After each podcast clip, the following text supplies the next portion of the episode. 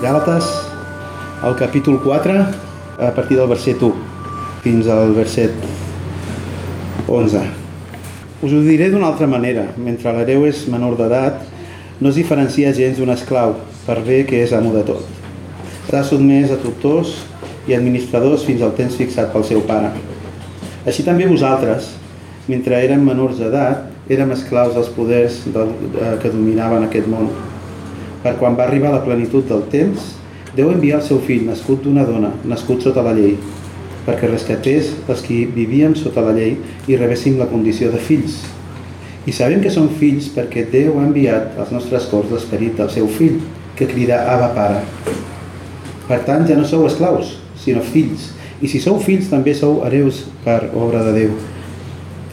En altre temps, vosaltres no coneixíeu Déu i servíeu uns déus que en realitat no, exist no, no existeixen. Però ara heu conegut Déu. Més ben dit, heu estat reconeguts per ell. Com és, doncs, que us gireu altra vegada cap als poders dèbils i miserables d'aquest món i voleu tornar a servir-los. Ara vosaltres observeu escrupulosament festes, llunes noves, solsticis i caps d'any. Tinc por que no hagi estat que no hagi treballat inútilment entre vosaltres. Hola i benvingut al podcast de Ciutat Nova, una església protestant al barri 22 arroba de Barcelona.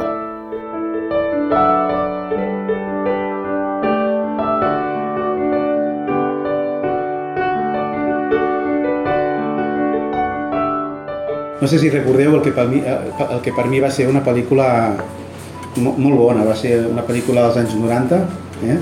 del mil·lenni passat, dit així impressiona, basada en una novel·la de Stephen King, dirigida per Frank Darabont. La, la pel·lícula era Cadena Perpètua, no sé com és en anglès, Cadena Perpètua, la, la recordeu? Protagonistes Tim Robbins i Morgan Freeman. Boníssima, m'encanta. La història és molt bona, però fora de la història dels autors, d'aquests autors principals, us vull parlar d'un personatge que sempre ha estat eh, molt especial. Per mi, si l'heu vist, potser ja sabeu a qui em refereixo. Sempre hi he pensat. Parlo d'Andrew o Andy. Uh, no sé si podeu recordar-lo. Andy, no. Ell era un uh, presidiari, un, un home entranyable i de certa edat ja, era avançat en edat, i era l'encarregat de, la, de la biblioteca de la presó. Doncs bé, Andy porta ja més de 30 anys a la presó i no té cap esperança de sortir-ne després de tant de temps, però per sorpresa d'ell mateix rep la gran notícia de que la Junta de la, de la presó, la Junta que revisava cada cas, li concedeix la llibertat condicional després de tants anys. I això li trenca tots els esquemes mentals i d'alguna forma l'obliga a, a, a sortir del seu espai segur, del seu espai confort, que en aquell temps era dintre la presó. No? Duia 30 anys vivint d'una forma concreta i no volia canviar. Així que tot, i no ser un home eh, agressiu, era un home molt pacífic, molt tranquil, intenta clavar una ganivetada a un company per tal de ser condemnat i d'aquesta forma continuar reclòs a la presó no, no, no obstant no, no, no ho aconsegueix, no li acaba de sortir bé això de la ganivetada i finalment és posat en llibertat i al cap de poc, de poc temps d'experimentar aquesta nova llibertat agafa, se'n va, se va a, a casa seva i en la intimitat eh, es penja i mor allà tot sol. Podia, eh, podia haver-se lliurat de la seva presó més dura la qual no era eh, de formigó i de cera, en realitat la seva pressió més dura eren les parets del seu propi cor, les quals no el van permetre viure com el que era. Era un home lliure. I, i, i, i estimats, d'això va la predicació d'avui. Avui parlarem de llibertat, parlarem també d'esclavitud, parlarem de fe i parlarem d'obres, però sobretot aquesta predicació es vol, centrar, es vol centrar en la persona i en l'obra de Crist, la qual ens allibera. La persona de Crist en la qual tenim eh, tota la llibertat. Sí? Bé, per fer-ho i en base a aquest text, per tal de contextualitzar una mica, perquè pensava que al ser una sèrie, al ser una sèrie jo crec que ja ho teniu més clar, Comentar, sabeu que Pau és l'autor d'aquesta carta, va dirigida als membres de Galàcia, a Àsia Menor. Què és el que du a Pau a escriure-la? Què el motiva? Doncs ja sabreu, sembla que la salvació per mitjà de la fe en Jesucrist no els va, no, no els va ser suficient als, als galates. Doncs amb la temptativa dels anomenats judaïtzants van adoptar com a vàlides algunes idees que no van fer més que distorsionar la veritat del que Pau havia ensenyat tants anys enrere, oi? Aquestes noves idees que ja es traduïen en fets, perquè ja les duien a terme i a la pràctica, són les que tant preocupen a, Pau i de fet són les mateixes que després d'haver-ho meditat profundament, ens, penso que ens haurien de preocupar, de preocupar també a nosaltres. Doncs certament crec que no n'estem accents de, de caure-hi. I és per això que tractaré avui d'exposar aquestes tres realitats espirituals per tal de que el nostre pecat pugui aflorar avui, si és que hi és, és clar, i que lluny de dur-nos a reparar-lo, ens dugui a un penediment genuí als peus de la creu on tot ja va ser vençut, oi? Per tal que sigui ell qui el venci i no pas nosaltres. Així doncs, avui parlarem d'aquests tres tipus de persones Parlarem dels esclaus absents de gràcia, en primer lloc, parlarem dels pobres lliures esclavitzats i parlarem dels lliures alliberats. Sembla redundant, però té el seu sentit, oi? Respecte als esclaus absents de gràcia, són aquells que, lluny d'haver experimentat una veritable conversió, es sotmeten a una religió basada en obres, les quals en realitat no tenen capacitat, com ha dit el germà, per salvar ningú, no? Si parlem de l'època dels 50, del primer segle, eh, que és quan eh, s'escriu aquesta carta, ens estaríem referint als coneguts judaïtzants, jueus aparentment convertits a l'Evangeli, al cristianisme, que es tenien un peu a cada cantó. Afirmaven ser cristians, però per ells Crist no els era suficient ni per salvar, ni per una nova vida, ni per la nova vida cristiana. D'acord? Per tant, seguien complint les lleis jueves i el problema no és pas que volguessin obeir, sinó la raó per, per la qual ho feien. Es creien tan déus, tan eh, potents, que pensaven que es podien salvar per ells mateixos complint amb la llei i, esclar, juntament, aquestes són les eines que el diable eh, va utilitzar per tal d'introduir heretgies que des desorientarien l'Església heretgies que feien que la persona i l'obra de Jesucrist, una persona i una obra, eh, farien de, perdó, de l'obra i de la persona de Jesucrist eh, farien, eh, en farien una persona i una obra insuficient, tant per salvació com per viure la vida cristiana. No? Bé, què ensenyaven? O més aviat que eh, imposaven? Ells que es tenien com a... Ens hem de posar una mica en el, en el paper d'ells, no? Ells es tenien com a l'únic poble escollit de Déu. Eh, eren els millors del món mundial. Es creien amb suficient autoritat tant com per imposar la llei mosaica com moltes altres de, tra de tradició jueves, no? lleis d'homes al final. I quin era l'objectiu d'aquestes lleis, d'aquests enganyadors? Verset 17 ens ho deixa ben clar. Mireu que no us van al darrere amb, eh, amb mala, eh, perdó, mireu que us van al darrere amb mala intenció volen que us allunyeu de mi i que aneu al darrere d'ells, oi? Estem parlant d'un afany eh, de poder terrible. Si l'objectiu eh, era el de sotmetre els practicants a aquesta nova religió eh, a, la seva pròpia religió, el cristianisme, el mateix si, si, si, si l'objectiu era sotmetre el poble com ja ho venien fent i per això s'havien d'empassar Crist, se l'empassen, no hi ha problema perquè l'objectiu no és Crist ni tan sols la seva religió, l'objectiu és aquest afany de poder, no? Ells eren l'autoritat i si els era necessari ho farien sense problema. I com ho feien? Quasi em puc imaginar la conversa, no? De dir, mira, m'imagino un, un judaïtzant parlant amb, amb, amb un pobre d'aquests de, de, de l'església, no? De, dels Gàlates. Escolta, mira, que està molt bé que Crist va ser un home que ho va petar, un home fantàstic, jo penso que sóc un, un dels escollits, jo sóc un dels que tinc pedigrí, no sóc un qualsevol, d'acord? I jo controlo, ho tinc bastant més controlat que tu, perquè de fet tu fa quatre dies que hi has tingut accés. Però fixa't tu, jo tinc l'Antic Testament des de fa, bof, ni ho sé, no? No coneixes. És clar, llavors dius, pobre, pobre, pobre ignorant, no? Com, com a gentil no, no hi has tingut accés i clar, però tu no pateixis, que jo, jo t'explicaré. Jo, jo, jo t'explico de què va el rot, perquè et falten coses, no? Jesús ha fet una obra fantàstica, però és clar, per la salvació, doncs mira, no n'hi ha prou. No n'hi no ha prou. Doncs, de què, si no, Déu ens havia d'exigir a nosaltres els seus manaments, no? o totes les lleis ceremonials i de més, no? Què passa? Que ara perquè ha aparegut Jesús hem de borrar Déu Pare? No, això no. No. Tu, eh, eh, que a Jesús li has de sumar el que el seu pare va dir ja fins abans, fins i tot de que, de que Jesús aparegués a l'escena. No? I, I els arguments són bastant, bastant infantil, no? Ho he volgut ficar d'una manera senzilla, però els arguments són bastant sòlids, no? No sé si pots percebre aquesta subtilesa no? del diable, doncs lluny d'intentar inútilment, perquè hagués estat inútil, esborrar el Crist de la història, el que fa és diluir-lo, regalant-te les orelles amb molta veritat i una mica de mentida. Molt interessant que en coordinació amb el teu pecat de creure't necessari per la teva pròpia salvació, doncs acabes desorientat, mig estocat, i ja no saps ni què fer ni, ni, ni cap on anar. I la, la, la proposta és, ok, Crist, està bé, l'acceptem, però una mica, una mica de tu també. Llavors en la carn penses, esclar, perquè tu lo vales, no? Lo real. Eh?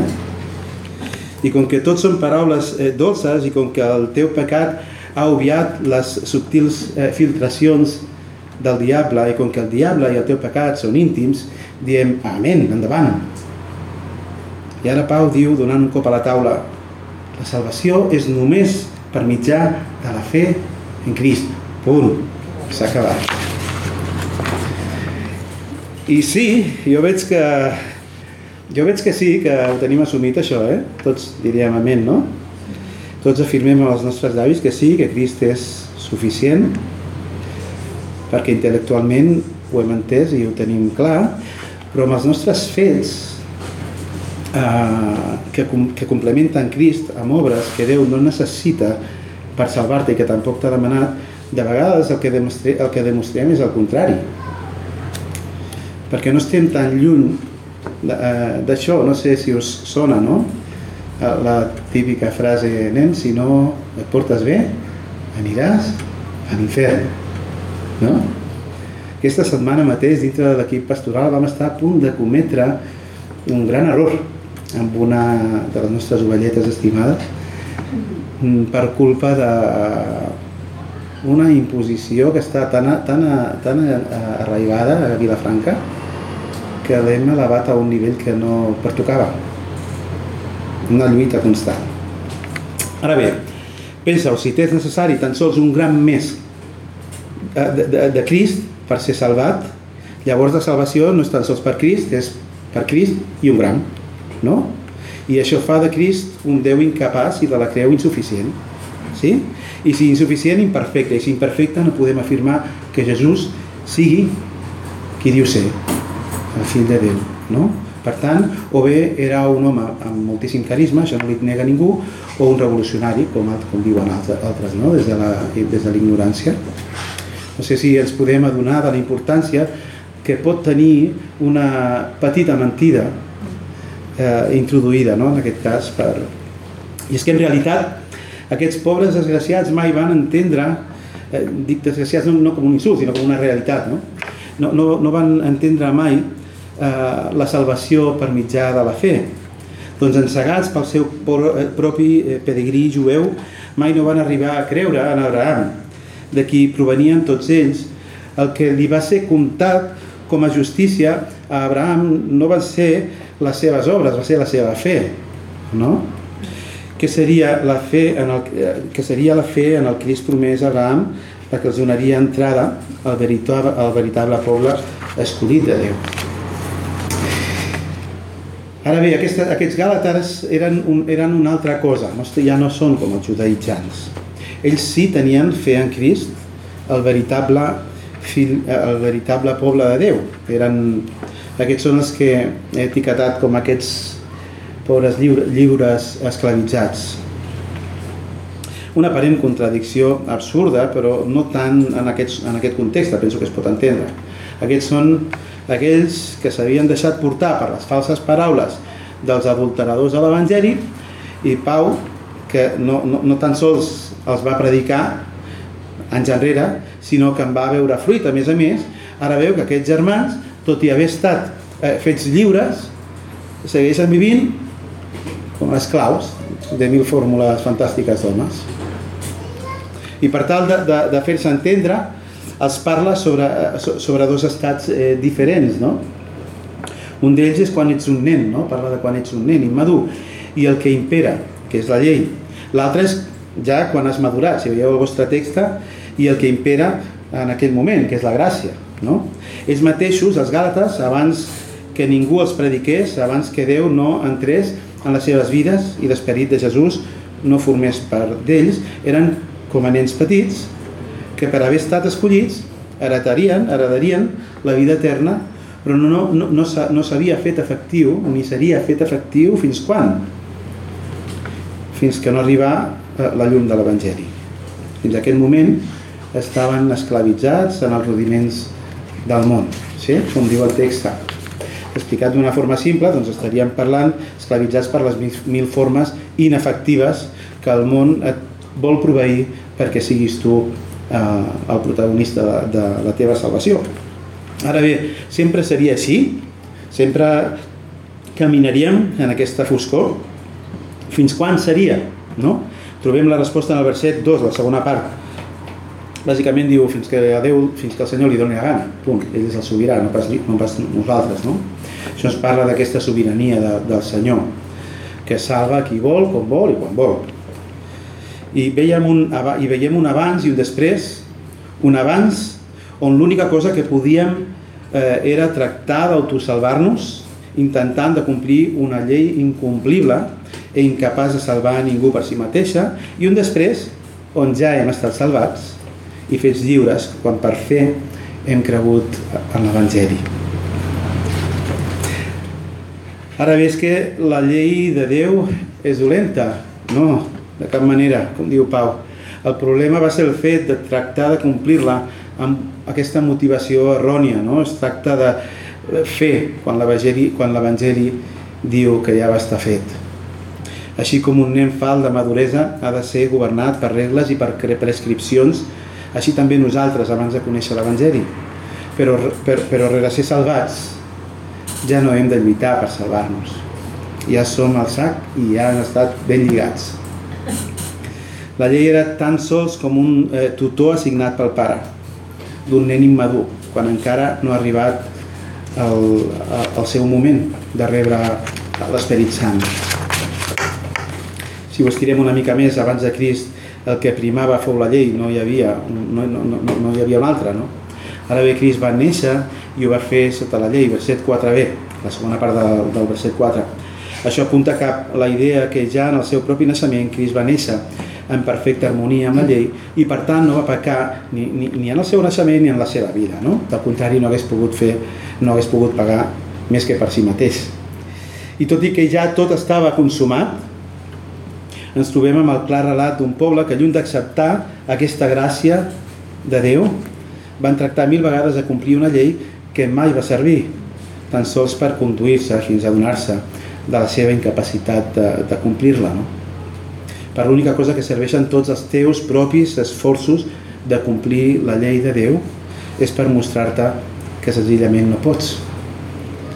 Ara bé, al verset 4, quan ve el compliment, oi? el tan anunciat Crist, aquest en qui el poble eh, per fer hauria d'haver fixat els seus ulls per salvació, apareix i viu una vida perfectament justa i és llavors que es, que es compleix, com diu el nostre text, el temps fixat pel Pare. Aquell és el moment.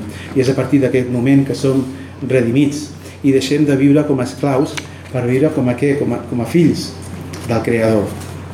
Pau ens ho va explicar en el capítol anterior, oi? Crist ens ha rescatat de la maledicció de la llei fent-se maledicció per nosaltres. Això és gros, eh? Crist ens ha rescatat de la maledicció de la llei fent-se maledicció per nosaltres.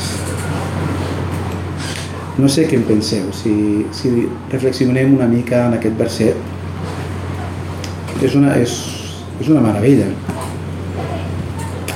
I com a conseqüència d'aquest fet, d'aquesta meravella, és que rebem l'esperit de Crist, el qual clama Abba Pare. És a partir que hem rebut l'esperit que estimem Déu. És a partir que realment tenim l'esperit dintre nostre que el busquem, que ens desvivim pel que Ell digui o faci, com una conseqüència. És després que tenim l'esperit, que la llei ha estat escrita en els nostres cors, com ja havia estat predit, i ja no hi ha resistència. Doncs al contrari, d'abans, ara no és tan sols que l'he de complir, que l'hem de complir, ara és que la vull complir. És la meva nova naturalesa. I després de deixar-nos anar aquesta meravella, Pau els du a la reflexió i, i, els, i els planteja, els hi fa una pregunta. Eh? Diu, si vosaltres sabeu això, si vosaltres heu experimentat aquesta esclavitud, si veniu d'aquesta esclavitud, d'una llei que, que, que, que us posa el peu al coll per causa del vostre pecat, per l'incapacitat que teniu de, de, de complir-la per un cantó. I després heu experimentat la llibertat que teniu en Crist, què esteu fent? Com, com caram torneu a l'esclavitud? I veus en les seves paraules un, un curt circuit. No ho entenc. No ho entenc. No sé, tu imagina't que ets esclau en un, en un mas, d'acord? No n'hi ha ja, però imagina't que sí. Ets esclau en un mas. I que, esclar, tens una vida eh, miserable. Sempre tractant de satisfer l'amo per obeir al seu favor, ai, per obtenir el seu favor, per, per, per guanyar una mica més dintre de la teva misèria, però és impossible. Tu no pots assumir el nivell d'exigència que se, que se, que se t'exigeix. Les experiències de l'amo, les expectatives de l'amo són massa altes, impossible. Però un dia l'amo, que és bo, se t'acosta i et dona un document, et dona un, et dona un document i, i tu fas una ullada i, i dius, uau, són, són els meus papers i clar, estàs, estàs impactant, no? I ell ha decidit otorgar-te la, la llibertat. A partir d'aquest moment ja no ets esclau. Ah, tu estaves allà esclavitzat i pensaves, demà tinc que fer això i tinc que fer allò i tal, i em llevaré a les 6 del matí, i de sobte, de sobte, per alegria, et, peses, et poses a pensar, no? I dius, uau, què, què faré ara, no? En un moment m'ha canviat, què faré ara? Puc no sé, puc posar un negoci propi o, o, o els meus fills són meus, ja no són d'ell o no sé, puc anar a fer un corneto, que és el millor gelat del món de nata ja no tinc que demanar permís sóc el meu propi amo és un goig, cert sentit oi? Carai, de fet me'n puc anar ara mateix d'aquí llavors l'amo s'atura i et diu espera, abans de marxar acosta't un moment i t'entrega un segon document i llegeixes el document i llavors ja no aguantes més i et, poses, a plorar d'emoció, de, de vienes arriba, no? Doncs aquest, aquest bon amo, a més de fer-te de fer lliure, t'ha fet fill seu, t'ha adoptat. Per tant, ets hereu de tot el que disposa. I, i, I ja no li tens por ni a la feina ni a l'amo. És el teu pare que, que, que t'estima, no? Papito en castellà, no? Ava pare. I llavors ja et mires la feina d'una forma diferent. Ja treballar pel teu pare eh, i per tu mateix ja no és el mateix. Ja no és el mateix. Ara ja no hi ha un, no sé com dir-li, ara ja no hi ha un esforç per esforçar-te per complir les normes de la llei, oi? Ara la vols complir perquè saps que és bona per tu i per casa teva la teva, la teva vida sabem que no serà fàcil, però serà preciosa perquè ets el fill de l'amo, el fill del creador. Quina llàstima, oi? Si, si ho veus des de la perspectiva de, de, dels gàlates, aquests gàlates que seguien aquests falsos cristians en les pràctiques ja mencionades abans, de complir les festes ceremonials i bueno, els anys, els mesos, i, i que aquestes, quan aquestes festes en realitat eh, estaven apuntant a la persona i a l'obra de Crist que estava per venir, no? Pues que ja Crist havia estat, ja, ja estava. Com us quedeu fent això que només apunta cap a Jesús quan teniu l'esperit de Jesús dintre vostre? Que, que ja hi és, que ja va ser consumat, que ja no apunta això cap allà, que ja, que ja ha passat. Imagina que la teva parella marxa de viatge durant un temps que a mi la imaginació de vegades la tinc que aturar, eh? perquè també m'agrada molt imaginar-me la història per entendre la realitat exposada, no? Imagina que la teva que ets un friqui com jo de la meva dona, o, o a la inversa, si ets dona, i la, te, i la teva parella marxa, marxa de viatge, ha de, ha de fer un viatge lluny i durant temps, i tu, que l'estimes amb bogeria, doncs agafes la seva foto, jo no sé si arribaria a aquest extrem, agafes la, seva foto i comences a fer-li petonets i, i et deleites en aquella foto i agafes i te'n vas a l'armari i, ai, olores la seva jaqueta i, i veus que, carai, que, quin, quin necessito, no? I quan t'estires a dormir, doncs mira, et fiques al seu cantó per, per sentir la seva olor, no? I un dia resulta que la parella doncs torna a casa i, i, i el veus entrar per la porta, però lluny d'anar a abraçar-lo, el que fas és continuar petonejant la foto. I dius, com? Que, quina cosa més absurda, no? Si, si el tens aquí davant teu, ves que és ell, ja, ja està aquí, ja està fet. Si l'Esperit Sant clama Abba Pare des dels nostres cors és perquè ell mateix, l'Esperit Sant, ens dona testimoni de que som fills seus, ja el tenim, com això us permet viure d'aquesta manera? Fixa't al verset 7. Inicia curiosament en segona persona del singular, o sigui, t'està parlant a tu, eh, concretament, eh? Diu, mira, ja no ets esclau, sinó fill. I si fill, hereu per mitjà de Crist. Aquestes paraules són molt grosses. No, no podem ser insensibles a aquesta realitat. I com si, i com si d'un pensament en veu alta es tractés, referint-me a Pau, no? sembla que, que, sí, que com si estigués parlant en veu alta, diu, veient aquesta, aquest desastre, diu, tinc por, en sèrio, tinc por que no hagi treballat inútilment entre vosaltres, nois. Això ens parla d'un Pau, doncs, un Pau desorientat, que no, no, no, entén, no entén molt bé com, com està aquest poble. Lluny de gaudir de la llibertat que hi ha fora de l'esclavitud, del pecat, se sotmeten a aquest voluntàriament. Per això és que els crida a ser clarament eh, reformats. Els està cridant, els està dient, necessiteu una reforma, nois. Justament eh, procurant en ells el tercer i el darrer tipus de, de persones sobre els quals parlem ara i que de forma més curta, eh, aquests són els lliures, alliberats. Els he volgut anomenar així perquè el que ens mostra la realitat bíblica d'avui i la nostra mateixa potser és que pots haver estat fet lliure però viure esclau al mateix temps.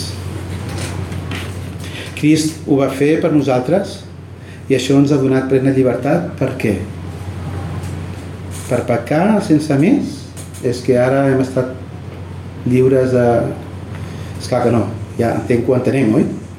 Això ens allibera de l'exclusiva voluntat a la que teníem accés, la de pecar, ser esclaus del pecat. Llavors la diferència entre el que eres fora de Crist i el que ara ets en ell és que vols tant, el vols tant a ell que ja no et deleixes en el pecat, et deleixes en ell i per tant l'obeeixes i perquè t'ha estimat és que l'estimes i que de forma natural, impulsat pel miracle, pel miracle de la creu i a través del seu esperit meravellós, vas caminant cada cop de manera més santa, no per obligació, si és que ho necessites, és el que vols.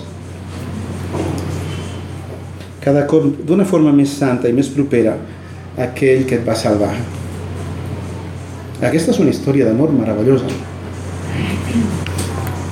No sé si, si, si, si es pot si ets fill de Déu, no busques complir la llei com a objectiu de res, la compleixes com a conseqüència del que ell ha fet per tu. Quan més, quan més tractis de salvar-te tu mateix, ja sigui de la mort o de la mort eterna o tant se val del pecat amb el que estiguis lluitant ara mateix, més lluny estàs d'aconseguir-ho, si ets tu. contra el teu pecat. Perquè el gran secret de la vida cristiana no radica en els esforços per aconseguir-la, sinó en la persona i en l'obra de Crist. I nosaltres és per fer que ens neguem a nosaltres mateixos, ens rendim als seus peus i lluitem amb ell al, capdemà, al capdavant, amb una victòria assegurada per haver estat ja vençuda davant mà.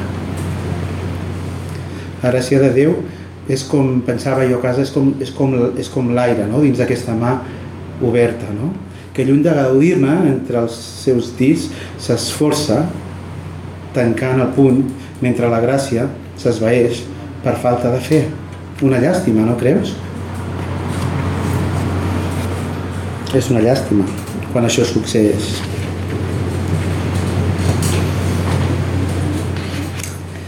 I bé, ara ja per, per acabar, m'agradaria dur-vos una mica la, la reflexió en la que he estat immers aquesta setmana mentre treballava en aquesta predicació, perquè és fàcil caure en l'error de dir, vaya trastos als Gàlates, no? I no caure en el fet de vaig a explorar a veure que és, on estic, no? On estic jo mateix, no? Perquè darrerament m'he donat que aquells que ens fem anomenar eh, potser els nous eh, reformats, els quals eh, tot i no dir-ho amb els nostres llavis en, en masses ocasions ens creiem els únics posseïdors de la veritat. Em dono, jo m'he donat compte doncs, que punxem com van fer-ho els nostres germans de Galàcia. No som pas millors. I és que avui celebrem la gran reforma, oi? Com si aquell aconteixement únic i puntual Eh, ens, ens hagués posat definitivament en el camí de la veritat i llibertat otorgada per Crist, no? Però m'adono que el relat bíblic m'ensenya que als Gàlates els va fer falta una reforma quan duien quatre dies d'església. Me n'adono que els màrtirs previs a Luther, Calví, clamaven eh, per una reforma, que l'església de Vilafranca, i potser també aquesta, necessita també una reforma que potser a tu i a mi ens cal una reforma. I m'he donat que aquesta reforma ha de ser un constant a les nostres vides. No, no que hagin de reformar res del que ja està escrit, no? enteneu-me. Nosaltres som els que necessitem una reforma constant que ens jugui un cop i un altre a la mateixa veritat de l'Evangeli. Doncs la meva realitat és que el meu pecat continua tibant per posar-me a mi en el centre, per lluitar per la raó tot ignorant la veritat, per tenir el control de les coses de Crist i no ser controlat per la seva veritat. El dia de la reforma, el dia de la reforma és cada dia, perquè, perquè, si, perquè si això no és eh, així, correm eh, el risc de viure una vida trista, una vida d'esclavitud, quan la nostra condició és en realitat una altra i tremolo al pensar que podríem acabar esclaus de la lletra, aquesta que mata, esclaus de l'esclavitud passada, com aquell poble, com aquell pobre i desgraciat bibliotecari, l'Andy, no? el qual arribant el que hauria d'haver estat el millor moment de la seva vida, es va negar a gaudir-la per no suportar la meravella de ser lliure, després d'experimentar una esclavitud tremenda d'una presó passada que no sigui així. Gràcies per escoltar aquesta predicació. Si tens preguntes respecte al seu contingut o vols tenir una conversa sobre l'Evangeli, no dubtis en contactar-nos. El nostre correu electrònic és info arroba cn22.org.